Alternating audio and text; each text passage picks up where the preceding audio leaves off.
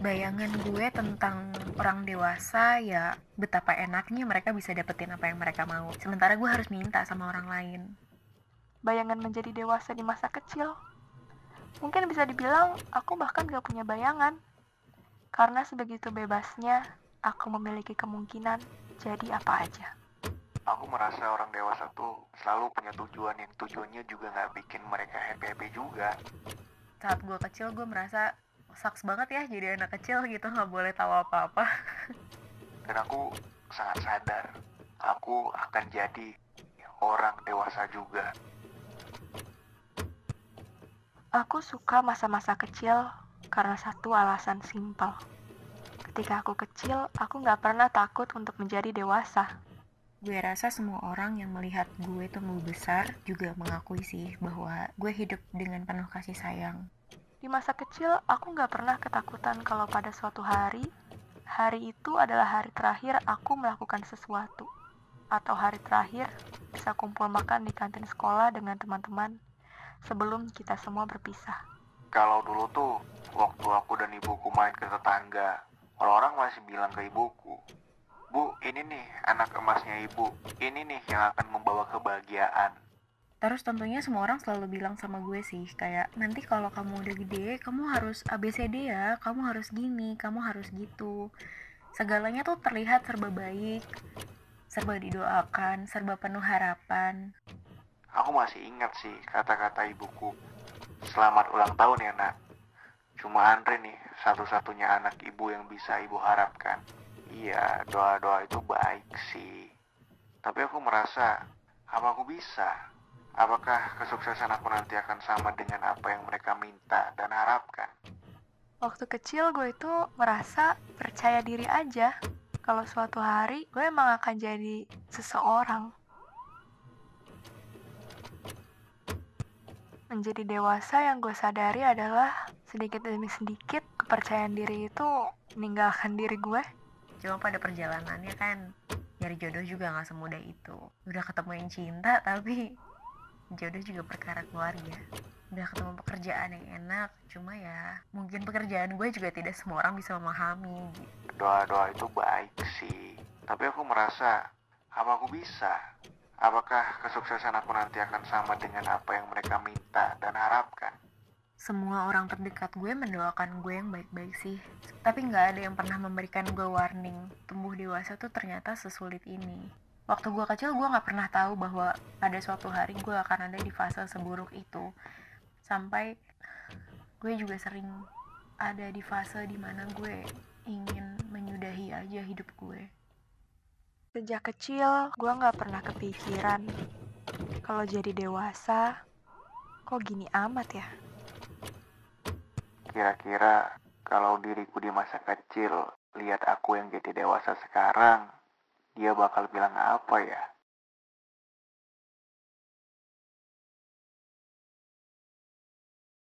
Halo Sobat, Sobat Relate. Relate, apa kabar? kabar? Nah, itu dia ya tadi audio tema dari project kita bersama Telinga Labs. Jadi dewasa kok gini amat? Gimana menurut lo, Dek? Bener-bener keren sih parah, tapi gue suka banget. Pertama kali gue ditawarin project ini ya, kayak tentang menjadi dewasa, gue bener-bener langsung in banget sih. Karena saking mendarah dagingnya, kalau gue tuh misuhin soal adulting, sumpah. Bener, bahkan kayak podcast kita sebenarnya de- dedicated untuk ngomongin segala kesusahan-kesusahan untuk menjadi dewasa gak sih? Iya, kayak cocok sekali memilih udah nggak apa-apa untuk kolaborasi ini. Benar, dan di kolaborasi ini kita itu selama beberapa bulan, beberapa te- beberapa episode ke depan itu bakal ngobrolin tentang susah-susah gampangnya menjadi dewasa gitu. Kenapa sih jadi dewasa kok gini amat gitu? Makanya kita kasih judul kayak gitu. Tapi ya sebelum kita ngobrol lebih jauh, karena ini episode perdana dari podcast project eh, JDKGA, jadi dewasa kok gini amat bersama Telinga Labs, kita tuh ingin agak spesial gitu di episode per- perdana ini gitu. Bener, kita juga udah ngundang nih eh, yang punya ingat telinga labs ya. Ada special guest eh, kali ini Mas Andre dari Telinga Labs. Halo. Halo. Halo, halo. Lumayan ya ada tambahan suara biasanya kita cuma berdua. Uh-uh, lebih seger rasanya didengar pendengar-pendengar wanita dengerinnya tuh nggak Iya. cewek lah cewek lagi gitu yang misuh kayak di cowoknya ya. Oke. Oke, boleh kenalan dulu mungkin Andre. Halo sobat relate, sobat relate, apa kabarnya? Halo. Perkenalkan nih nama gue Andre dari Telinga Labs dan gue hari ini harus menghela napas dulu nih ya, menarik napas panjang karena akhirnya obrolan dan perencanaan dengan udah nggak apa-apa dan Telinga Labs akhirnya hari ini bisa Oh terjadi. iya bener banget. Terharu. Kita senang banget ya. Nah, akhirnya kita bisa mendatangkan yang punyanya Telinga Labs nih. Mungkin kita kenal dulu kali. Jadi Andre ini siapa sih gitu? Mm. Oke, jadi gua ini adalah bagian kecil dari Telinga Labs sih. Jadi memang ini kita ngebentuk Telinga Labs dari teman-teman gua yang tertarik di bidang literasi terutama. Kita berpikir dulu tuh kayak gimana ya cara kita eh, bisa berkontribusi lebih dalam dunia sastra ya karena kan setelah kita kelar kuliah tuh kita kayak Wow. kayak gimana ya kayak ternyata gua nih nggak sastra-sastra banget kayak gitu Akhirnya Oh. berkreasi Akhirnya ya, berkreasi, bener. Labs ya. Jadi kita ngebentuk Telinga Labs. Itu tuh suatu platform literasi. Kita tuh pengen buat untuk teman-teman yang pengen belajar menulis dan membaca atau belajar sastra kayak gitu. Hmm. Jadi kenapa namanya telinga? Sebenarnya sesimpel aja sih. Kita tuh pengen mendengarkan tuh orang-orang melalui tulisannya. Kayak gitu aja. Berarti berarti bisa kirim iya, berarti bisa kirim tulisan gitu ya ke telinga ya. Benar-benar bisa banget. Untuk kesibukan dan proyeknya apa aja nih dari telinga? Oke. Jadi kalau di telinga tuh kita ada beberapa proyek sih D dan kita tuh punya goals sebenarnya. Goals utama kita tuh pengen ngadain social project. Sesimpel kayak kita tuh pengen ngadain sekolah alam, sekolah literasi. Kita tuh pengen ngajarin anak-anak yang kayak kurang beruntung lah di desa-desa terpencil kayak gitu. Hmm, dan kita tuh punya proyek eh, salah satunya tuh ada lomba menulis dan kelas menulis kayak gitu. Ya, iya. Jadi dengan mengikuti lomba-lomba yang diselenggarakan sama telinga itu nantinya akan untuk membantu social project dari telinga itu ya. Iya, kita tuh pengen eh, ngebuat suatu buku gitu. Jadi kita pengen sharing ke anak-anak yang di desa-desa gitu. Oh, oke, wow, keren banget. Jadi maksudnya bukunya tuh hasil dari kompetisi iya, ini benar gitu, benar Bre. benar. Wow. Gila, keren banget. Berarti kalau misalkan kita bisa ikutan lomba eh, menulis dari si Telinga Labs ini, kita bisa punya ter- kita bisa nerbitin buku bareng sama teman-teman yang lain. Terus buku ini juga akan diberikan eh, melalui social project Telinga ke anak-anak yang membutuhkan di berbagai di berbagai daerah Iya, gitu. betul banget Lala. Gila, sebuah tujuan yang sangat mulia. Wow. Kita mencari pahala di dunia ini, guys. Sebuah tujuan yang sangat mulia.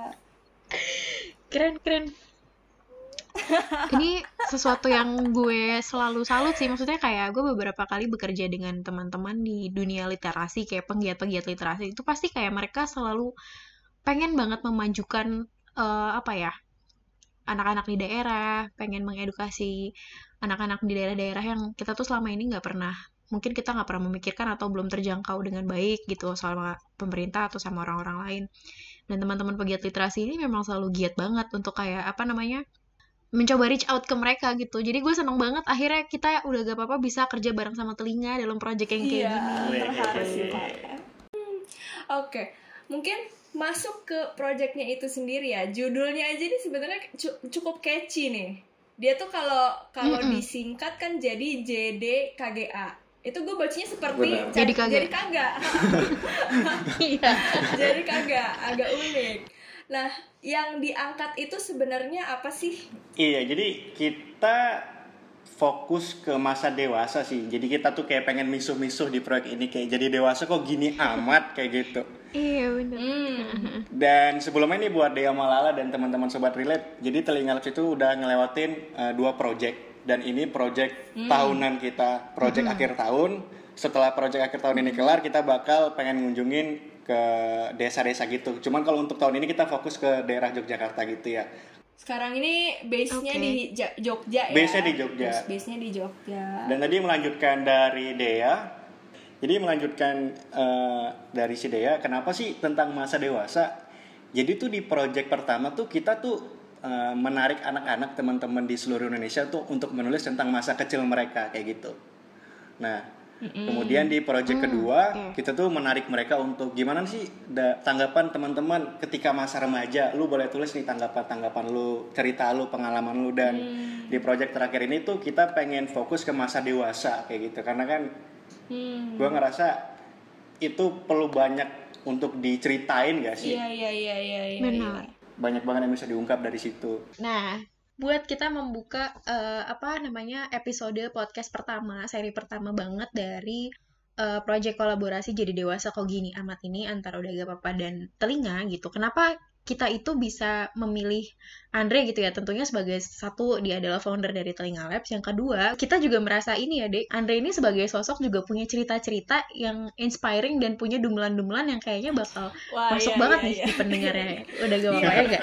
Sejujurnya Andre ini sosok yang sangat inspiratif. Kalau misalkan gue bacain profil dia menurut LinkedIn itu bisa nggak selesai-selesai, bisa nyampe minggu depan. Oh. ah, gue kepoin dulu LinkedIn lo ya, Andre. Gue gak pernah lihat. Aduh, jangan dong. Iya. Tapi kalau ngomongin soal menjadi dewasa itu sendiri ya, gue sih cukup relate sih gitu. Gue juga eh, bertanya juga ke sobat relate, apa sih yang kalian itu nggak suka dari menjadi dewasa gitu. Beberapa itu ada juga yang menceritakan seperti tidak sesuai ekspektasi gitu. Ada ekspektasi-ekspektasi orang tua yang yang bikin sulit gitu waktu udah dewasa Benar. harus mengikhlaskan sesuatu hal yang disuka ada eh, nyari duit dan berurusan sama orang-orang kayak gitu Dan nyambung ke audio yang kita puterin pertama kali tadi kali ya, Dik. Kayak ada Oh, iya, doa-doa baik Bisa dari juga. orang tua dan orang-orang yang terdekat sama kita. Kan biasanya mereka doainnya kayak, ntar kalau kamu udah gede, kalau kamu udah gede. Tapi sekarang kita udah gede, kita masih belum bisa nih menuhinnya gitu kan. Realitanya tidak semudah itu gitu. Nah, Dre, menurut lu, kalau menurut lu sendiri ya, proses lu menjadi dewasa nih, journey-nya sampai sekarang, itu gimana rasanya? Tapi lu seumuran sama kita kan? Maksudnya enggak ya, lu masih 18 tahun ya? Gue Iyalah, pasti sama lah kita. Nah, oke. Terus gimana tuh Kayak journey lu? kalau perjalanan gue menuju dewasa, yang pertama mungkin ketika gue mulai kuliah di Yogyakarta ya, Hmm. hmm. banyak banget hal-hal yang perlu gue ketahuin. Kayak pertama gimana cara gue buat bisa memahami perasaan orang lain itu kan juga. Kemudian ditambah lagi dengan ekspektasi-ekspektasi yang dari orang tua, doa-doa dan sebagainya kayak gitu. Benar. Dan itu kadang yang ngebuat gue stres gitu sebenarnya kayak anjir nih gue bisa nggak ya eh, jadi apa yang mereka inginkan. Kadang tuh takut sendiri. Jadi tuh lebih banyak ke diri sendiri sih kalau gue. tapi ya eh, dari sosok Andre yang profile LinkedIn-nya ini eh, nggak sampai selesai pencapaiannya ya.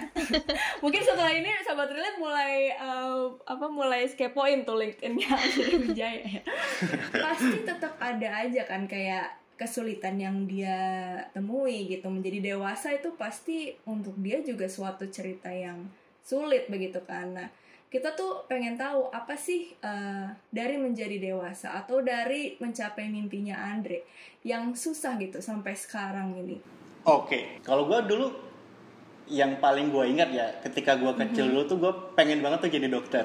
Hmm, wow Cocok dong. Iya, gue malah pengen banget jadi dokter. Jadi memang di keluarga gue tuh kayak gue tuh paling beda gitu sih di antara semuanya. Kayak gue tuh paling mungkin paling aneh ya gue tuh sering banget di rumah. Itu gue tuh malas keluar rumah. Gue tuh pengen sering belajar aja kayak gitu. Dan gue tuh suka banget bermimpi. Salah satunya tuh yang paling gue ingat, gue tuh dulu pengen jadi jadi oh jadi iya dokter. iya iya, iya. Dan suatu ketika tuh waktu kecil ya gue tuh sering banget menolak sekitar gue. Kayak gue tuh kadang nggak suka cara cara orang-orang berpikir, menilai seseorang kayak gitu. Dan dari situ tuh yang membentuk gue tuh menjadi pribadi yang pendiam gitu sih. Oh, waktu kecil pendiam Dari situ gue sering kayak baca-baca buku, gue sering melamun, gue sering berimajinasi, gue sering berbicara sama diri diri gue sendiri dan dan ternyata gue merasa anjir gue ternyata suka sastra, gue suka menulis kayak gitu. Gue pengen eh, ngebagi apa sih problem-problem yang gue alamin, gue pengen curhat kayak gitu. berarti mimpi untuk menolong anak-anak itu juga muncul di saat itu kali ya kayak karena melihat ke diri sendiri dulu juga semasa kecil tuh suka menulis gitu ya jadi mungkin Andre tuh juga ingin menolong anak-anak yang suka menulis juga gitu ya kurang Iya, kurang lebih kayak gitu sih. Gue tuh ingat banget dulu tuh eh, dari guru menulis gua, dia tuh pernah bilang, Mm-mm. Kalian tuh bisa menjadi apa aja di dalam tulisan. Hari ini kalian bisa jadi presiden, kalian Hmm. bisa menjadi dokter, kalian bisa menjadi tentara dengan dengan menulis dan dari situ gue berpikir bahwa ini tuh yang yang penting banget di hidup gue dari berbagai banyak masalah, banyak penolakan, gue harus Hmm. uh, menulis kayak gitu karena menulis itu bisa menjadi apa ya? Gue bisa menjadi diri diri gue sendiri kayak gitu. Kalau dari orang tua lu sendiri gitu gimana Andre? Maksudnya gini, lu kan tadinya mau jadi dokter, lu mau jadi arsitek gitu, tapi lu memilih untuk oke gue suka nih dengan sastra gitu, yang mana kalau gue lihat selama ini ya kayak kalau teman-teman gue jadi anak sastra itu biasanya suka kayak orang tuanya lah kok sastra sih? Emang bisa ngasilin duit ya? gitu. Orang tua lu mengalami kayak gitu gak sih? Oke, kalau untuk itulah sebenarnya gue nggak dapat penolakan ya nggak dapat apa sih namanya ya penolakan dari orang tua itu nggak ada, cuman lebih ke teman-teman gue. Jadi kalau background orang tua gue itu tuh emang yang ya udah nih Ndre, lu uh, pengennya apa kayak mama papa itu kayak dukung ke sana kayak gitu. Jadi mereka yakin eh, mereka yakin ketika gue memilih sastra emang Andre tahu bisa mempertanggungjawabkan itu. Cuman dulu tuh yang paling gue sedih ya lah sama adik. Mm-mm. Jadi gue tuh sering diskusi sama teman-teman gue kayak gitu dan gue pernah ingat banget ketika gue lulus di jalur undangan dulu ya waktu keterima di sastra itu gue girang banget itu. ini keren banget Anjir gue jadi sastrawan nih mimpi gue menjadi penulis Iya. nih bisa menjadi Wow. kenyataan. ya sih dengan gue datang ke Yogyakarta kayak gitu ya. Cuman ternyata di situ perjalanan gue tuh baru dimulai kayak gitu. Mm. Gue inget banget sahabat gue tuh ngomong ngomong ke ke gue kayak gini. Oke Andre lu jadi lu keren lu bisa masuk di universitas yang terbaik. Tapi lihat ya gue bisa nunjukin kalau gaji gue ntar bisa lebih banyak daripada lu. Wow. Dia nah di situ gue kayak ngerasa anjir kenapa sahabat gue tuh ngomong gitu ke gue kayak sebenarnya apa yang gue lakuin kayak gitu dan Iya, di iya, situ iya. gue ngerasa Apa kayak maksud dia juga iya gitu. bener Iya bener dan dan di situ gue ngerasa kayak anjir dulu tuh lu kayak mendukung gue menjadi seorang penulis sastrawan tapi ketika gue sudah mendekat uh, dengan mimpi gue kenapa lu menunjukkan apa namanya realitas penolakan kayak lu menunjukkan Iya. pahit-pahitnya kayak gitu dari situ deh kehidupan gue bermulai Mulai terlihat pahit-pahitnya ya. iya bener Ada kesulitan lain nggak? Kan ini eh, berarti cerita dari awal mula menjadi sastrawan. Berarti sekarang kan sudah eh, apa? Misalkan lagi kuliah gitu. Setelah apa? Setelah udah kuliah gitu atau setelah udah lulus, apa nih eh, kesulitan yang Andre tuh punya Oke. gitu? Jadi gue selama tiga tahun lebih di kuliah tuh sebenarnya kayak main-main doang sih. Hmm. Gue suka nulis puisi, gue nulis cerpen, gue main teater. Jadi tuh kayak ya main-main doang kerjaan gue. Cuman kesulitan gue tuh ketika Iya. ketika gue mencari pekerjaan kayak gitu. Dan situ gue baru sadar ternyata ada banyak hal yang perlu gue pelajarin ya supaya gue bisa mendapatkan pekerjaan yang gue gua pengenin. Dan untuk jago menulis itu nggak cukup. Nah di situ tuh gue sering banyak uh, menerima penolakan-penolakan dari lowongan pekerjaan dari perusahaan-perusahaan dan itu yang aku nggak tahu itu kayak stres banget sih. Tapi iya Iya sih, iya bener. iya iya. Itu karena maksudnya jadi dewasa kok gini amat itu memang masuk gitu. Karena gue juga mengalami hal-hal seperti itu gitu kayak apa yang gue pikirkan nanti, apa yang gue mimpikan nanti itu ber- ternyata berbeda ketika lo tuh udah menjalaninya gitu. Jadi kayak gue juga seperti Andre gitu kayak masuk ke kuliah gue gue ter- eh, diterima kuliah gitu ya di jurusan yang gue suka. Terus gue pasti bahagia banget dong kayak gitu. Tapi ternyata setelah lu menjalaninya hal-hal tuh tidak semudah itu gitu. Kayak oh ternyata ternyata kayak Oh. gini ya guys gitu kayak oh iya dan kayak soal nyari kerja ya itu bener banget sih Mhm. maksudnya kayak gue awal masuk kan gue anak komunikasi gitu ya awal masuk tuh semua orang bilang ke gue oh enak di komunikasi satu nggak ada matematikanya apparently ada kedua kayak ya itu lo, lo bisa kerja apa aja karena literally segala hal di dunia ini tuh butuh yang namanya komunikasi gitu Iya, kan tapi iya, pada iya. kenyataannya nyari kerjaan susah banget gak sih Iya setuju banget, setuju banget. Nah, apalagi apalagi kayak kayak lo gitu Andre misalnya. Hmm. Lu kan lu kan seneng banget nih di sastra. Lu tuh dulu nyarinya apa coba? Enggak, ini, ini boleh nggak dimasukin ke podcast ya. Maksudnya kayak gue penasaran oke. aja gitu kalau sebagai orang sastra lu tuh nyari kerjanya Oke. apa dan gimana Oke. gitu Gue tuh dulu daftar pertama sih lah gue tuh kayak milih-milih sih di awal. Gue pengen daftar jadi kayak content writer kayak gitu, kemudian menjadi editor gitu di suatu perusahaan. Cuman malah gue ditolak gitu coy. Gue nggak ngerti, gue nggak dapat tahap-tahap interview gitu deh intinya. Iya, iya. Akhirnya gue banting setir, gue mikir kayak anjir gue nggak bisa nih cuman sastra doang kayak gitu. Gue coba daftar menjadi seorang apa dulu ya? Menjadi seorang marketing digital marketing kayak gitu-gitu. Apa ya istilahnya susah nggak sih orang sastra buat main ke marketing? Mm-mm. bener Maksudnya eh, Andre tuh merasa penolakan juga nggak di dalam diri gitu karena maksudnya selama ini buat yang nggak tahu ya Andre tuh eh, mohon maaf tapi juara selalu juara satu puisi nasional. Se- setiap tahun gitu. Maksudnya di setiap apa ya di setiap tahun dia akan mengikuti puisi-puisi tuh ya banyak lah gitu. Dan setiap puisinya itu bisa juara. Bahkan juaranya tuh bisa juara satu dua tiga tuh Andre Wijaya. Iya. semua yang menang Andre Wijaya yang sehebat ini. Kenapa dia menjadi editor atau menjadi apa menjadi copywriter? Itu ditolak kayak kenapa? kayak apa yang salah? Apa gitu. Wah itu tuh itu berat banget sih. Gue tuh kalau gue boleh jujur ya di sini ya gue tuh kayak pernah nangis di suatu malam tuh tuh gue tiga hari tuh nangis gitu. Gue kayak menangisi diri gue kayak anjir kenapa sih orang-orang menolak gue yang keren gini? Ya karena kan itu tadi dari Iya. ya nggak sih dari pencapaian gue gue menang iya iya juara iya, iya, satu lomba menulis se Indonesia. Dan lu tahu gue kalau gue boleh sombong ya anjir gue tuh mahasiswa berprestasi coy di kampus gue jadi iya, iya, jadi kayak ketika gue mendapat penolakan itu gue merasa gue nggak percaya diri. Dan gue ngerasa kayak aduh apa gue sampai kapan pun gue nggak akan bisa diterima diterima kerja ya kayak gitu. Iya iya iya iya. pasti sih pasti berasa kayak gitu. Lo pasti berasa kayak ini apa gue yang salah? Apa ternyata gue nggak sehebat itu? Lo berasa gitu gak sih? Mm-mm, bener-bener. Dan gue ternyata cuma taunya menulis doang dan gue nggak tahu hal-hal lain lagi. Dan gue ngerasa anjir gue kemarin itu ke mana aja sih waktu kuliah? Kayak gitu sih. Bener lo pasti jadi mempertanyakan diri lo banget kan? Nah eh, kalau dari lo sendiri Ndre gimana sih lo cope atau lo berdamai dengan hal ini? Pasti kan hal ini mengubah banyak eh, hal di masa depan lo Eh, nih. gue tuh dulu sebenarnya jadi selain jadi dokter gue tuh pengen jadi dosen. Jadi ketika gue di di sastra gue tuh gimana caranya supaya gue itu bisa menjadi dosen? Salah satunya adalah dengan gue ya jago lah gue pinter di di kelas kayak gitu. Gue nilai gue bagus dan gue kayak ikut-ikut lomba menulis supaya ya gue keren dan gue ngerti sastra kayak gitu. Jadi gue emang di S1 ini pengennya langsung lanjut ke S2 tapi ternyata gue tuh udah nyusun rapi tuh. Gue punya sertifikat banyak dari prestasi-prestasi gue gue udah belajar dan gue udah nentuin gue bakal pengen S2 nya tuh ilmu sastra kayak gitu. Karena gue cinta banget kan di di sana.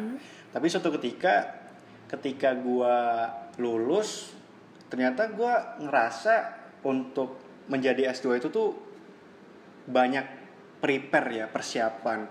Dan salah satunya itu di bagian uang sih. Iya, iya. kayak lu harus belajar bahasa Inggris lu prepare untuk TOEFL dan sebagainya. Dan di sini gue ngerasa kayak mimpi gue itu tuh terhambat gitu loh.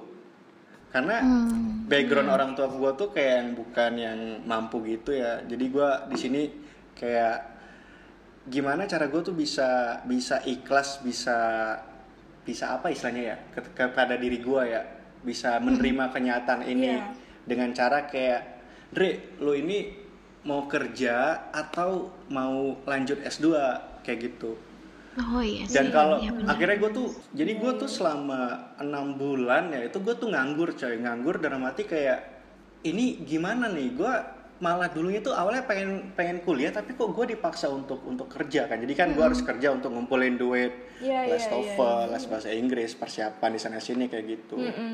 Akhirnya dari situ tuh oke lah gue berpikir gue harus mencari pekerjaan. Dan ternyata gue menemukan masalah-masalah lain lagi. Gue enggak diterima di perusahaan mana pun.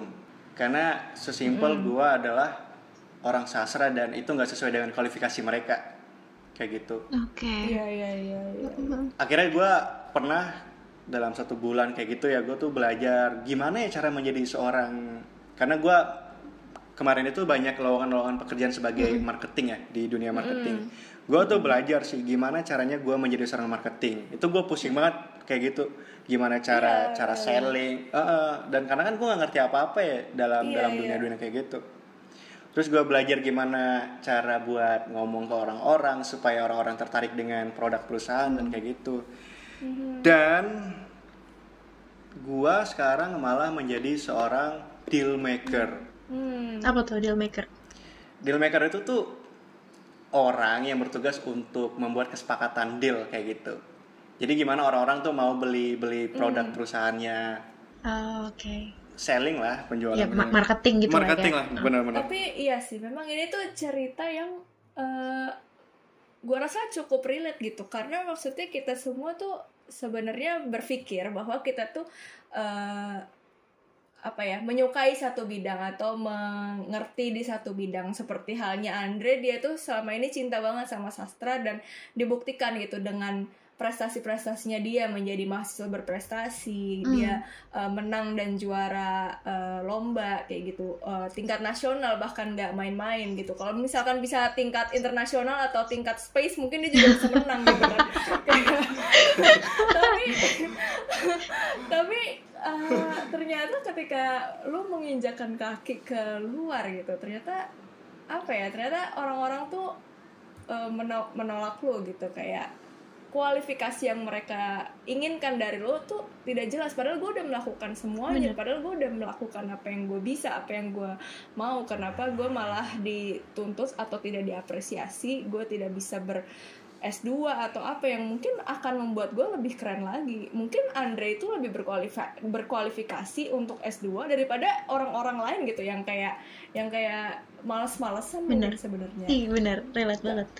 Gue pengen nanya ini deh, eh, Andre, kayak perasaan gimana, lu gimana sih maksudnya gini? Gue gue paham banget, gue merasa relate banget nih ketika lu bilang lu tadinya tuh pengen lanjut S2 tapi lu gak bisa karena masalah financial. Terus habis itu lu tuh udah apply-apply ke banyak pekerjaan yang berkaitan dengan sastra karena memang mimpi lu kan lu suka banget sastra nih. Terus apparently orang-orang tuh menolak lu padahal lu udah cukup berprestasi gitu dan gue merasakan itu kayak gue merasa gue sekolah udah sangat berprestasi eh gue melakukan apa yang orang-orang bilang kayak kalau lu mau kerjanya gampang lu harus ini. Nah itu semua ininya itu udah gue lakukan gitu. Tapi ternyata nyari kerja tuh gue nggak dapet dapet. Kata Iya, orang iya, gue iya. nggak cukup gitu. Dan lu patah hati nggak sih Ndri? Maksudnya kayak ketika akhirnya lu memutuskan untuk pindah ke Hmm. lu kan akhirnya belajar marketing nih. Apa yang lu rasakan? Gue tuh pernah lah kayak eh, tiap malam itu tuh gue kayak tiba-tiba tidur tapi gue kepikiran sama gimana gue besok, gimana gue besok. Karena sebenarnya gue nggak bisa pungkirin juga ya, kayak orang-orang tuh ketika kita lulus, orang tuh ngelihat kayak, eh lu lagi sibuk apa? kayak gitu. Dan gue tuh iya nggak bisa banget dengar dengar dengar kata-kata kayak gitu. Itu kayak anjir gue harus jawab apa coy? Eh nggak sih? Kayak gue iya. Betul betul itu tuh betul, betul, betul. dari situ gue akhirnya gue takut banget untuk ketemu orang-orang. Gue tuh hampir kalau nggak salah 3, 4, 5 bulan tuh nggak nggak keluar kosan gue kayak gitu karena gue kayak risih dengan teman-teman. Cuman di situ ternyata ketika lu semakin sedih lu semakin menolak realitas di situ lu semakin tahu kebutuhan lu. Lu semakin ngerti ternyata uh, posisi saat ini tuh lu benar-benar lagi nggak settle banget. Dan pada pada saat itu ya gue tuh mikir Dre lu nggak boleh kayak gini gue sampai ngebuka sertifikat-sertifikat gue yang menang dulu. Sampai sampai gue ngeliat piala-piala gue dulu kan kayak dulu lu di sastra lu bisa bisa oke lu bisa menang di sana sini dan sekarang ini ini saatnya lu masuk ke level baru Andre. Lu bisa nggak untuk untuk uh, mendapatkan itu? Kayak gitu. Akhirnya ya udah gue tuh belajar gue tuh tiap hari nggak tahu tiba-tiba gue semakin religius dalam dalam dunia spiritual gue gitu gue sering sholat gue sering ngobrol sama sama Tuhan kayak gitu ya. Kemudian gue sering mendengarkan YouTube dan lain sebagainya. Gue kayak ngobrol-ngobrol ke ibu kos gue gue ngobrol ke teman-teman gue ngobrol ke pacar gue kayak gitu.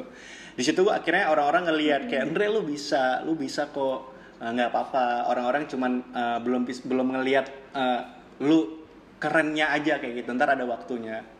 Dan iya di situ sih perjalanan gua. Gila keren banget. Menemukan diri gua karena di saat-saat terpuruk kayak gitu eh, kadang kan memang orang itu beda-beda ya jalannya itu beda-beda ada yang dia udah kerja ada yang dia terus S2 dan kita yang belum apa ya mungkin masih belum apa-apa kan jadi nggak enak juga bukan nggak enak ya jadi jadi minder seperti Bener. itu Tapi ini kan sekarang lu menggeluti dunia marketing nih, Dre. Hmm, benar-benar. Kalau gue lihat-lihat di LinkedIn lu, asik udah udah gue kepoin nih. Gimana tuh lah? oh iya ya Kayak lu udah memang kepo ya. beberapa kali Langsung dikepo ya? udah lu beberapa kali masuk kayak digital marketing terus sekarang lu jadi deal maker gitu tapi gue melihat ya lu kayaknya menyenangi juga nih sebagai marketing gitu Mm-mm. happy gak sih maksudnya kayak lu lu apa lu bahagia atau lu seneng gak sih dengan pilihan lu ini dengan pekerjaan lu sekarang gitu sebenarnya lu tuh beneran happy atau gimana Iya, iya, betul, Oke. betul betul gue happy, gue happy banget di di marketing. Kenapa? Karena kalau mungkin bahasa jeleknya gue kalau di sastra mungkin gue nggak bakal ada duit duit banyak sih kayak gitu. Dan kalau di marketing gue ngerasa pertama gue orangnya ternyata tuh suka ngobrol, gue tuh suka kayak negosiasi ke orang-orang kayak gitu. Dan di situ gue happy banget sih. Jadi kayak gimana gue gua berpikir nih gimana gue ngebuat buat orang tuh percaya dengan dengan dengan apa yang gue kasih. Dan di marketing tuh juga ternyata bukan hal yang pasti gitu loh lah, Dek. oke gimana tuh Jadi yang jadi kayak gimana cara lu supaya orang-orang itu tuh bisa tertarik sama sama diri lo yang pertama kayak gitu. Jadi gue tuh berpikir untuk ketemu orang ini gue tuh harus berpakaian seperti apa. Kemudian kalau misalnya backgroundnya itu kayak ibu-ibu gitu, gue tuh berpikir lagi nih kayak oke gue harus ngomongnya kayak gini nih. oh iya iya iya Jadi iya, iya, iya. ada hal-hal yang menurut gue menarik dan tertantang sih buat gue pribadi. Dan untuk saat ini gue happy happy aja. jadi playground baru gitu ya buat Jadi kayak playground wah baru. Nah, kayak banyak hal banget ternyata yang bisa dieksplor di sini dan lu senang dan menghasilkan gitu lagi. Benar benar. iya gue denger denger sih menjadi deal maker juara satu di Oh iya, di perusahaannya ya. Gue saking abisnya gimana ambis tuh ya menceritakan yang apa ya satu-satunya anak sastra terus malah jadi juara satu deal maker tuh gimana ceritanya? Iya jadi ternyata tuh gue baru sadar kuncinya deal maker itu tuh adalah di bahasa Hmm. Mm-mm. dan bahasa itu kan kayak gue banget ya gue kan bisa banget Iya, menulis iya, iya. teks kata-kata itu buat orang-orang tuh eh, tertarik. Gue tuh pernah kayak ke salah satu customer itu yang kayak sulit banget untuk ditembus ya istilah kayak gitu. Gue tuh sampai mikir anjir nih gimana cara dia supaya dia tuh kayak membalas pesan gue kayak gitu kan atau mengangkat Iya. telepon gue gue tuh berpikir keras nih anjir gimana ya gimana ya? Akhirnya gue sampai ngebuatin pantun ke dia coy. Oh, gue gua ngirimin pantun ke dia supaya dia tuh ngebalas pesan gue wow. Terus dia gimana? dan dan itu tuh akhirnya dia tuh malah ngirim emot ke gua emot ketawa gitu.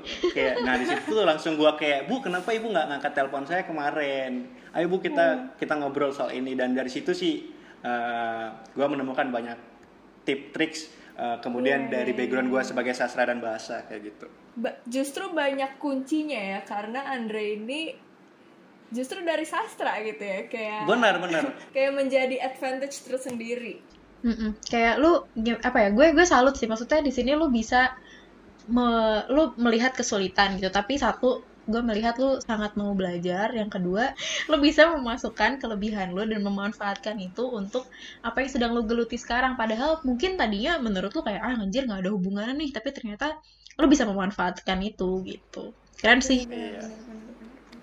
Wow. Oh sama ini mungkin gue pengen ceritain. Jadi ternyata yang yang ngerasain ini tuh bukan gue doang. Teman-teman gue tuh juga susah cari kerja kayak gitu. gimana Oke jadi selain gue bekerja di luar bidang gue, gue sadarin juga sih, gue juga nggak bisa meninggalkan sastra kayak gitu. Gue masih tetap menulis. Kenapa gue ngelakuin itu tuh karena gue perlu merawat ingatan gue. Hmm. Makanya gue tuh selalu mencatat di handphone gue tuh peristiwa-peristiwa kejadian, kekesalan gue dengan dengan atasan, dengan rekan kerja di situ. Kemudian kalau gue ingat-ingat lagi, eh, kenapa sih gue ngebuat telinga labs ya sama teman-teman? Setelah gue merasa sembuh ya dengan penolakan-penolakan dengan masalah-masalah gue, gue tuh baru sadar ternyata yang ngalamin hal sulit itu tuh bukan bukan gue doang, tapi Iya, teman-teman gue.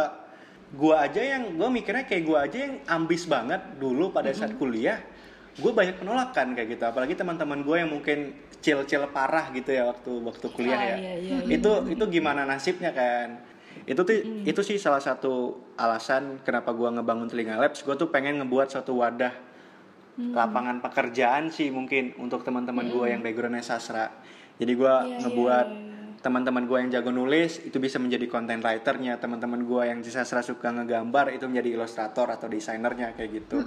Jadi memang di sini tuh kayak batu bukan batu loncatan ya itu kayak pengalaman kita untuk bisa terjun ke dunia pekerjaan. Oh, itu banget sih.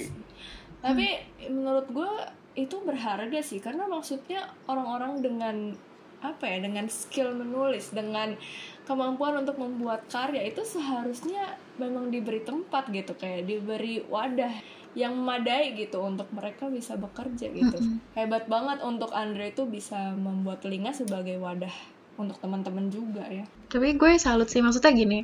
eh gue selalu seneng banget ngelihat teman-teman gue yang mereka tahu mereka itu sebenarnya nggak terlalu apa ya mungkin mereka nggak tajir mungkin mereka nggak terlalu punya banyak harta gitu. Tapi mereka bisa menggunakan privilege mereka dengan kayak gini gitu. Misalnya Andre mungkin lo nggak bisa berbagi uang dengan orang lain. Mungkin lo nggak bisa berbagi eh, apa ya pokoknya berbagi harta lah gitu sama orang lain. Tapi lo bisa lo tahu lo pintar lo tahu lo punya platform dan lo membagikan itu gitu loh ke orang-orang. Supaya orang-orang itu nggak merasakan apa ya nggak nggak nggak harus melalui apa yang lo rasakan dulu. Nggak perlu jangan sampai deh teman-teman gue tuh mengalami kesusahan kayak gue gitu gak sih? Iya benar-benar. Dan ini mirip juga gak sih deh gue gue jadi merasa kayak oh iya sih gue bisa memahami. Karena inilah juga kenapa kita memulai udah gak apa-apa ya gak kayak Hmm. kita tadinya struggle banget melewati dari kita remaja terus kita memasuki masa umur 20-an nyari kerja dan itu semua rumit dan mumet banget. Akhirnya kita bikin lah nih udah gak apa-apa supaya Iya. orang bisa tahu nih kira-kira oh ternyata kayak gitu ya perjalanannya. Oh ternyata gue bisa kayak gini bisa kayak gitu ya gitu. Gue jadi merasa benar benar benar benar. This is really great gitu. Kayak ini bagus banget gitu. Keren keren keren keren. Kita keren-keren semua ya gue merasa menjadi dewasa tuh seperti roller coaster sumpah. Tapi Iya. roller coasternya itu bukan bagian bukan bagian yang lu tuh eh, muter cepet itu loh. Roller coaster lu kan kayak ketika lu masuk roller coaster lo kan pertama pelan dulu gak sih? Pelan terus naik sampai puncak ke atas itu terus baru lo drop terus cepet muter-muter gitu kan Mm-mm. Nah, menurut gue menjadi dewasa itu bagian di awal itu, yang bagian lu tuh lama, lambat, naik sampai puncak, sampai atas. Tapi kapan sampainya ya gitu loh, kayak kayak menurut gue itu bagian paling menyebalkan dari roller, coaster gitu, karena begitu lo tuh udah udah jatuh atau udah turun dan udah cepat, udah muter-muter, lo kan kayak menikmati aja gitu. Hmm. Ya sebenarnya nggak kerasa juga gitu tadi tuh apaan, tapi yang paling kerasa kan bagian pal bagian men apa ya deg-degannya ketika lo tuh kayak duduk di roller coaster terus kayak lama nyampe atas terus kapan nyampe nya ya kapan gue jatuhnya ya lo tahu banget lo akan mati gitu tapi Bener. kayak kayak Kapan? kayak ini iya kayak kayak prosesnya tuh lama, lama banget dan ya jadi itu yang gue rasa apa ya menggambarkan menjadi dewasa dari dulu kita tuh punya ekspektasi-ekspektasi menjadi dewasa maksudnya kita tuh nggak pernah berpikir gitu apa sih yang akan kita temui ketika kita menjadi dewasa ya kan kita tuh Hmm. berpikir kita tuh akan sampai aja gitu kita akan seperti roller coaster itu aja yang oke I,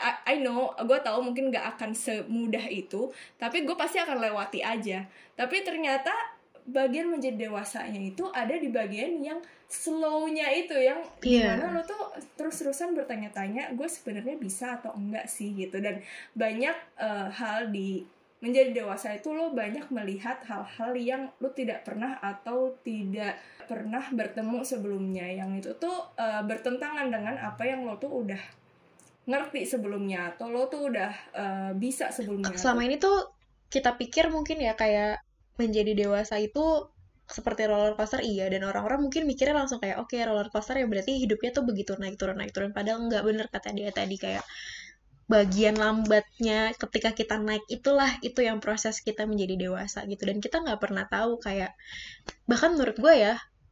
I don't think menjadi dewasa itu kayak punya tujuan kayak maksudnya ada tujuan ada titik di mana kayak oke kita udah dewasa nih gitu. Karena ketika gue berkaca gitu ke orang tua ke orang-orang di sekitar gue gitu yang usianya jauh lebih dewasa dari gue gitu. Mereka tuh juga punya punya kegelisahan masing-masing gitu Mm-mm. Hmm. jadi menurut gue ini adalah proses yang terus menerus gitu bahkan kayak sampai Hmm. kita tua nanti kita masih akan terus berproses kita masih akan terus menemukan kegelisahan-kegelisahan kita dan kita akan terus berkembang gitu Benar-benar.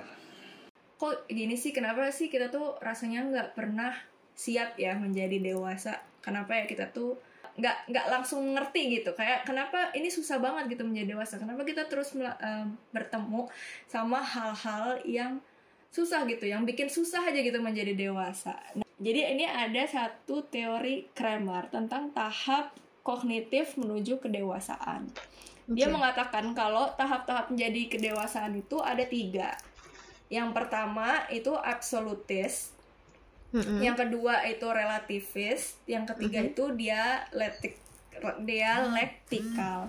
Untuk Oke, apa tuh? absolutis itu tuh ketika dewasa muda, kita di awal uh, dewasa muda itu tuh secara kognitif kita selalu berpikir bahwa setiap hal itu punya jawabannya atau punya jawaban yang benar. Oh iya Itu seperti kita terbiasa di sekolah, eh, kita tuh di- diajarkan oleh guru sama atau dosen kita, dan kita memandang kalau setiap orang dewasa itu pasti punya jawaban gitu. Kita tuh merasa kalau guru-guru kita tuh pasti punya jawaban dari semua hal gitu. Hmm. Itu absolutis, itu hal-hal yang kita pikirkan ketika kita ya masa kecil lah seperti itu. Hmm, Oke. Setelah itu uh, kita mulai menjadi relativis. Relativis adalah fase di mana kita tuh mulai sadar oh masalah itu uh, bisa dilihat dari perspektif yang berbeda-beda juga gitu. Hmm. Nggak semua pertanyaan punya satu jawaban yang pasti benar atau orang dewasa itu selalu punya jawaban yang benar. Ada Hmm, apa ya perbedaan perspektif dari setiap pertanyaan. Nah, menurut Kramer juga, ketika kita udah mulai menuju dewasa tua, barulah kita menjadi dialektikal, di mana kita baru bisa membentuk sintesis dari pandangan yang beroposisi. Jadi, kita udah bisa menerima kalau beberapa hal tuh yang nggak hitam dan putih aja gitu, dan kita menghargai hal-hal tersebut. Kira-kira seperti itu. Hmm. Iya sih, bener. Gue melihatnya kayak gue berkaca gitu ya. Mungkin nggak tahu. Mhm. Andre mungkin merasakan lu kan sebagai anak sastra nih. Gue denger dengar anak sastra tuh biasanya idealis nih. Oh, benar.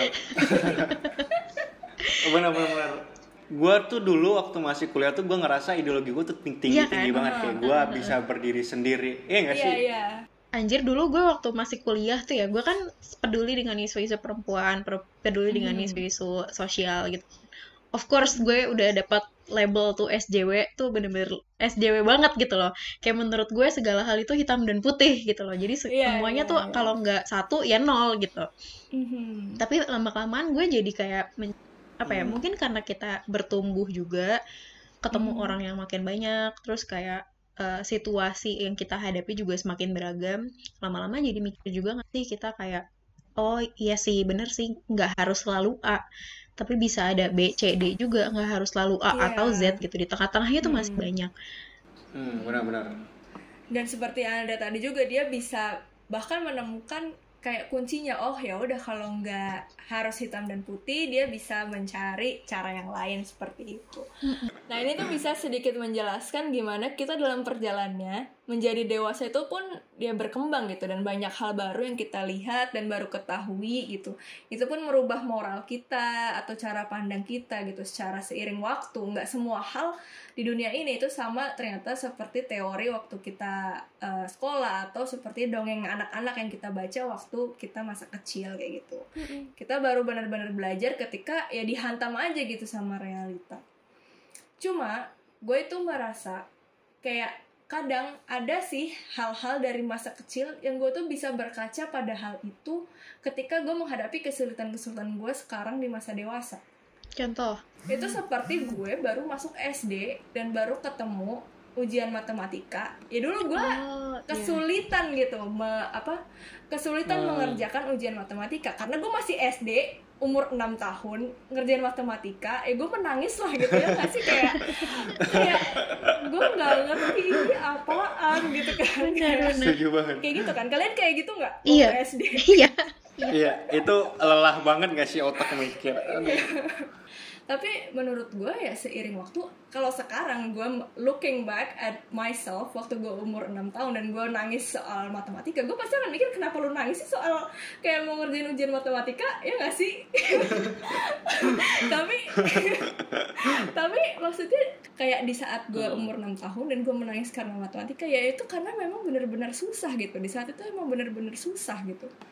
Cuma gue bertumbuh gitu kayak lu seiring waktu lu SMP lu SMA lu akhirnya menemu apa bertemu dengan ujian matematika tuh hampir setiap hari gitu atau hampir setiap minggu kayak setiap satu bulan sekali lu ikut ujian sehingga pada akhirnya lama-lama lu mengerti lah cara mainnya kayak lu mengerti gimana cara lu belajar Oke. dan pada akhirnya iya kan pada akhirnya lu iya benar-benar. bertemu dengan matematika itu nggak lagi takut gitu atau nggak lagi menangis gitu kan Iya, atau nggak benar. lagi. Dan itu mengingatkan gue oh ya karena sekarang ini semua susah ketika gue menjadi dewasa karena hal-hal ini ya baru untuk gue mungkin 10 tahun lagi atau 20 tahun lagi looking back at ourselves saat ini yang kesulitan bikin podcast atau kesulitan bikin telinga atau kesulitan jadi marketing. Benar, itu kan benar. kayak ngapain lu nangis-nangis anjir gitu kan sih. Iya benar. Tapi ya memang memang proses sih. Maksudnya ya kalau kita melihat ke belakang kita melihat mungkin kayak diri kita kok bego gitu ya. Tapi hanya karena lu sudah tahu lebih banyak just because you have known better doesn't mean you were stupid gitu. Hanya karena lu sekarang udah tahu lebih baik nggak berarti lu di masa lalu itu ya lu bego gitu. Masalah lu yang terjadi di masa lalu ketika lu nangis lu merasa kesulitan lu merasa takut kayak kok kayaknya gue nggak mau ya gue nggak mau nggak mau melangkah ke situ gue nggak berani gitu. Itu masalah yang valid dan real gitu benar-benar lu hadapi dan memang pada saat itu sulit gitu. Tapi balik lagi ketika lu merasa sulit itu ya berarti lu ingat aja bahwa lu pernah juga loh dari dulu lu kecil lu pernah mengalami ketakutan itu dan sekarang lu udah sampai di sini gitu. Lu udah melewati Hmm. semua itu dan ini semua adalah proses belajar pada akhirnya. Proses kita eh, bertumbuh jadi kita yang sekarang gitu. Kayak kita tuh nikmatin proses ya.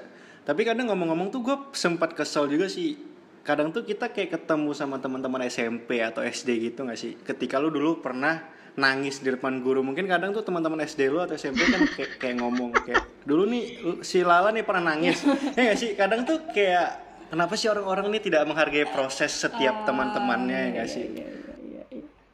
sama ini sih kalau menurut gue berkaca dari apa yang Andre cerita gitu ya dan bagaimana gue mendengar cerita lo juga deh dan gue juga berkaca ke diri gue sendiri gitu. Kayaknya ketika kita keluar dari comfort zone kita atau ketika kita mulai berhadapan dengan bentrok sama realita yang ternyata nggak sesuai sama yang kita mau gitu we can always try to find small happiness in every corner gitu. Kita in every corner.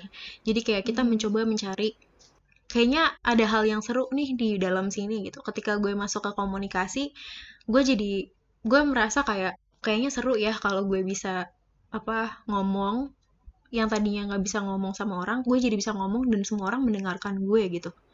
Hmm. ketika gue presentasi semua orang mendengarkan gue. Itu adalah perasaan baru yang menyenangkan gitu. Atau mungkin kayak benar-benar. Andre tadi gitu. Dia nggak suka dia pengen banget punya mimpi di dunia sastra tapi dia harus eh, belajar segala hal tentang marketing dan ya lihatlah dia sekarang betapa enjoynya dia dengan pekerjaannya Iya, sekarang itu iya, dia iya, iya. menikmati banget kan tadi dia cerita tuh benar. ketika kita kebentrok sama realita yang ada kita tuh terlalu cepat menyimpulkan bahwa kita gagal kayak aduh gue nggak suka oke gue gagal gitu padahal Iya, ya iya, betul, betul. selalu ada hal-hal kecil yang bisa kita celebrate di dalamnya gitu Wow. Iya sih Wow. benar. Kayak kadang kita seperti itu menyimpulkan bahwa kita udah gagal duluan, tapi padahal kita juga nggak tahu sebenarnya perjalanan ini tuh sudah selesai atau belum gitu. Kayak perjalanan ini sebenarnya masih berlanjut gitu. Kayak walaupun kita gagal di satu hal atau mungkin satu realita itu tidak sesuai dengan ekspektasi kita gitu. Kita masih bisa melanjutkannya gitu dan mungkin ternyata kita menemukan kebahagiaan justru di tempat itu di tempat yang baru atau di tempat yang tidak kita duga sebelumnya benar Kalau gue tuh setuju juga sih sama Lala. Tadi kan berkaca dengan problem-problem gue, akhirnya gue akhirnya menemukan versi lebih baik dari diri gue dan gue enjoy sih untuk saat ini. gue tadi menangkap satu kata-kata dari Andre yang sangat gue ingat dan gue suka banget yaitu dia Iya. ingin merawat ingatannya dengan Hmm. dia menulis gitu Mm-mm. dan semua proses yang kita alami ini semua proses mendewasakan ini sangat apa ya pasti ketika lu looking back dan lu bisa mengingat semuanya lagi itu pasti bakal tanya kok gue dulu gini ya oh ternyata gue dulu gini sekarang gue udah lebih baik gitu Hmm, benar. Mhm. dan itu bisa dilakukan salah satunya juga lewat menulis gitu. Nah, kita di Udah Gak Apa-apa dan Telinga Labs pengen ngajak teman-teman untuk yuk kita coba merawat ingatan kita dengan menulis. Nah, di sini kita punya lomba nih. Eh, Telinga Labs itu sedang mengadakan lomba menulis puisi. Mungkin Andre bisa jelasin lebih lanjut tentang lombanya? Oke, jadi kita ngebuka eh, sekarang ini udah ngebuka lomba menulis puisi. Temanya tentang masa dewasa, tentang menjadi dewasa kayak gitu.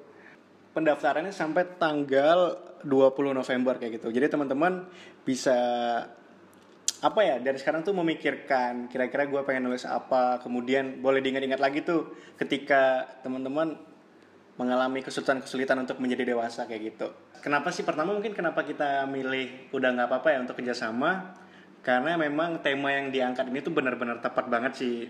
Kayak udah nggak apa-apa kan juga memberikan banyak hal tentang proses kedewasaan. Kemudian nanti eh, kalian bisa untuk proses pendaftarannya itu bisa mengunjungi Instagram Telinga Labs atau udah nggak apa-apa. Nanti kita tuh ada bio link ya di link bio itu untuk ke direct ke WhatsApp untuk proses pendaftarannya kayak gitu. Iya sih. Untuk teman-teman yang mau menulis mungkin, gue tuh ingin mengatakan kalau mengikuti lomba ini sebenarnya menurut gue bukan hanya men- sekedar mengitu- mengikuti lomba gitu. Karena gue sendiri adalah orang yang memiliki kesulitan menjadi dewasa dan ketika gue galau atau memiliki kesulitan me- apa men- mengalami kesulitan itu gue tuh mencari bacaan gitu sebenarnya. Gue tuh merasa lega ketika melihat atau membaca hal-hal di mana orang-orang tuh juga merasakan hal yang sama seperti gue atau eh, memiliki kesulitan yang sama seperti gue gitu. Dan topik ini eh, especially gitu menurut gue ketika lo mengikuti lomba ini atau membuat karya mengenai hal ini gue pikir lo bisa menjangkau orang-orang yang juga eh, mengalami hal ini gitu yang juga sedang mengalami kesulitan menjadi dewasa di mana menjadi dewasa itu memang tidak mudah. Dan setiap orang itu mengalami permasalahannya sendiri yang berbeda-beda dan berharga. Sehingga menurutku ketika kamu bisa membuat karya mengenai hal itu kamu mungkin bisa menghibur orang lain atau bisa apa ya meredakan kecemasan orang lain dalam kesulitannya menjadi dewasa ini kira-kira seperti itu sih Benar-benar harapannya dari lomba menulis ini itu tuh yang paling utama pengennya tuh merawat ingatan teman-teman sih. Kayak gimana cara kita untuk mengingat-ingat masa lalu, masalah-masalah yang pernah kita alamin. Utamanya itu. Sama yang paling penting ketika teman-teman di luar sana mengalami masalah-masalah atau problem KLC, problem harapan-harapan dari orang tua. Telinga Labs dan udah nggak apa-apa tuh berpikir bahwa lomba ini adalah suatu ajang atau suatu bukan ajang ya tapi suatu tempat atau wadah buat kita tuh bisa mengolah mengolah rasa kayak gitu. Bisa lebih mengenal diri dan lebih ikhlas terhadap situasi sekarang. Iya, gue excited banget honestly untuk uh, project ini bukan karena gue ikutan bikin di dalamnya, enggak, tapi karena menurut gue lu bisa dapat banyak hal banget sih. Satu, kalau misalnya lu ikut lomba ini ya, lu bisa merawat ingatan lu, lu bisa mencurahkan kekesalan atau mungkin kegelisahan lu ketika lu tumbuh dewasa. Apa sih yang lu hadapi gitu kan masalah-masalahnya banyak tentunya dan lu bisa bisa ngirim lebih dari satu karya kan ya, Andre? bener-bener bisa mengirim 10 20 tuh bisa kok bisa banget Nah, jadi bisa jadi ajang curhat yang bagus sekali sambil lu bisa Benar, berkarya gitu dan karya-karya lu nanti akan direview juga sama timnya Telinga Labs ada jurinya juga ada juri tamu dari expert yang masih ber ada nggak sih Dre? ada ya Ada ada ada. Kita bakal ada juri tamu Iya. kok. Jadi emang itu kayak salah, salah satu sastrawan atau penulis yang bener-bener udah bagus gitu loh rekam jejaknya di kesastraan Indonesia. Oke, belum bisa dikasih tahu, belum bisa dibuka tuh ya? Belum belum belum bisa dibuka nih. Nanti Oke. kita bakal kasih tahu di Instagram kita berdua ya. Oke. Nah, tuh. Karya kalian akan dibukukan dan bukunya akan dikasih ke anak-anak yang membutuhkan. Gitu kan? Benar benar benar. Nah, bener-bener banyak banget gitu hal yang bisa lo dapet. Kayak gue, apa ya, nggak melihat alasan kenapa lo nggak bisa ikutan eh, lomba menulisnya dari Telinga Labs ini. Tapi kalau misalkan masalahnya kalian adalah, duh, tapi gue nggak nggak merasa gue bentrok dengan realita kok hidupku baik-baik aja. Tenang. Udah gak apa-apa akan melahirkan serangkaian podcast dengan masalah-masalah lain seputar menjadi dewasa gitu. Jadi tungguin aja. Jadi dari serangkaian podcast udah nggak apa-apa tuh bisa menjadi inspirasi juga sih buat teman-teman kayak gitu. Mungkin ini sih yang membedakan project ini dengan project-project lainnya. Kalau mungkin lomba-lomba yang lain kan itu lebih fokus ke persoalan-persoalan yang jauh dari kita. Nah jadi kita sama tim udah nggak apa-apa fokus gimana cara kita buat eh, ngebuat suatu lomba yang dekat sama kita. Makanya kita pengen ngebuat persoalan masa dewasa itu. Dan gue pikir ini tuh menjadi momen banget buat teman-teman sekalian untuk lebih mengenal diri kita siapa, kemudian mencari versi lebih baik dari diri kita dengan cara mendengarkan podcast dari Udah Nggak Apa-Apa Podcast. Itu bisa menjadi sumber inspirasi teman-teman. Kemudian bisa menulis melalui puisi dan nanti kita bakal belajar lagi lebih lanjut gimana cara penulisan yang baik, kemudian eh, puisi-puisi apa nih yang berhasil menang dalam lomba ini. Tapi mungkin yang paling utama adalah bukan menang atau kalahnya, tapi gimana cara kita untuk menang dengan diri sendiri. oh Hmm. bagus bagus bagus bagus bagus Betul betul betul betul betul betul. kalau misalkan nih kalian ada masukan-masukan gitu kak ngobrolin ini dong kak aku ada masalah kan kita udah sempat ini ya udah sempat apa namanya ngepost uh, tema-tema yang bakal kita obrolin nih ke depannya tentang menjadi dewasa apa Benar. aja kalau misalkan sobat relate ma apa kalau audiensnya telinga disebut apa sih Sahabat telinga. sahabat telinga oke kalau misalnya sobat, Sahabat relate dan telinga. sahabat telinga punya apa ya kekesalan kekesalannya pengen curhat gitu. Boleh coba aja curhat ke udah gak apa-apa cobalah curhat ke telinga. Karena kita kan semua eh, suka mendengarkan curhatan-curhatan kalian Mm-mm. gitu. Kita bisa jadikan itu sebuah masukan. Siapa tahu ini bisa menjadi bahan inspirasi buat teman-teman di luar sana. Dan mungkin bisa juga jadi apa ya kayak oh ternyata gue nggak sendirian ya. Bisa langsung eh, DM kita ke IG udah nggak apa-apa seperti biasa di udah nggak apa-apa podcast. Eh, kalau misalkan ada yang mau cari tahu lebih lanjut lagi tentang lombanya, boleh cek Instagramnya Telinga, di mana Andre? Di @telinga.labs Hmm, atau boleh juga email kita ke udah gapa, udah g a p a p a at gmail.com. Udah gak apa-apa, bukan ya udah, bukan udah nggak apa-apa ya. Jangan sampai lupa lagi, tolong lah.